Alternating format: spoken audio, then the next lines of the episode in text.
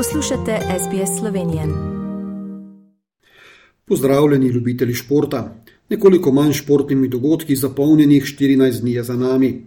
Kolesarska sezona leta 2022 se je zaključila tako, kot se je začela letošnja sezona, zmago Tadeja Pogačarja, tokrat na zadnjem kolesarskem spomeniku sezone, tako namreč poimenujejo najbolj legendarne enodnevne dirke z bogato zgodovino. Dirka po Lombardiji v Italiji sodi med te spomenike in da Dej Pogačar jo je dobil že drugo leto zaporedoma. S tem je ohranil tudi vodstvo na lestvici Svetovne kolesarske zveze.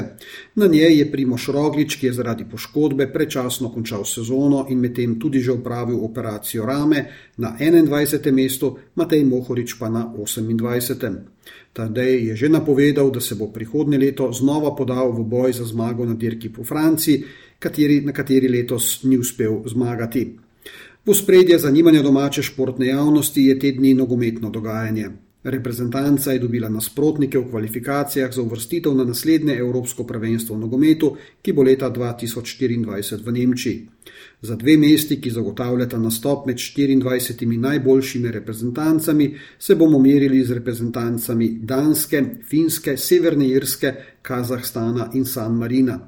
Na prvi pogled se zdi, da nam je bil žreb naklonjen in da se naši lahko enakovredno vključijo vsaj v boj za drugo mesto.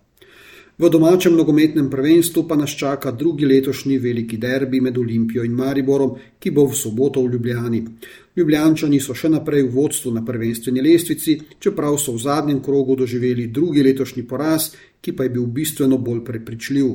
V mestnem obračunu je Olimpijo s kar 6 proti 1 ugnal Bravo. Olimpija ima na lestvici 6 točk prednosti pred najbližjim zasledovalcem Koprom, Maribor pa ima po 12 odigranih krogih kar 13 točk manj od Ljubljančanov. Za nami so tudi uvodni nastopi košarkarjev Olimpije v novi klubski sezoni. CD-vita Olimpija je zabeležila dve zmagi v Jadranski ligi ter poraz na uvodni tekmi Evropskega pokala proti turški ekipi Bursa Sport. V rokometni ligi prvakin so igralke Krima iz Ljubljane v četrtem krogu tretjič izgubile, tokrat doma proti mačarskemu Ferencvarošu. Tudi v moški ligi prvakov slovenski predstavnik celje Pivovarna Laško ostaja pri eni zmagi iz štirih tekem. V zadnjih dveh obračunih so celjani klonili v gosteh pri Barceloni in doma proti francoskemu Nantu.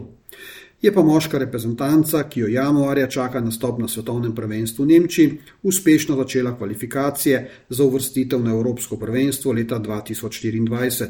V prvi tekmi je v Mariboru premagala Bosno in Hercegovino, v nedeljo pa jo čaka še tekma s Kosovom. V naši skupini je nasprotnik še reprezentanca Črnagore.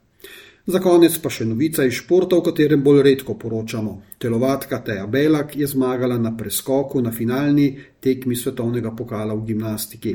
V Mersinu v Turčiji je morala med osmerico finalistk prvo na urodje z odličnim nastopom, pa je postavila previsoko letvico za ostale tekmice.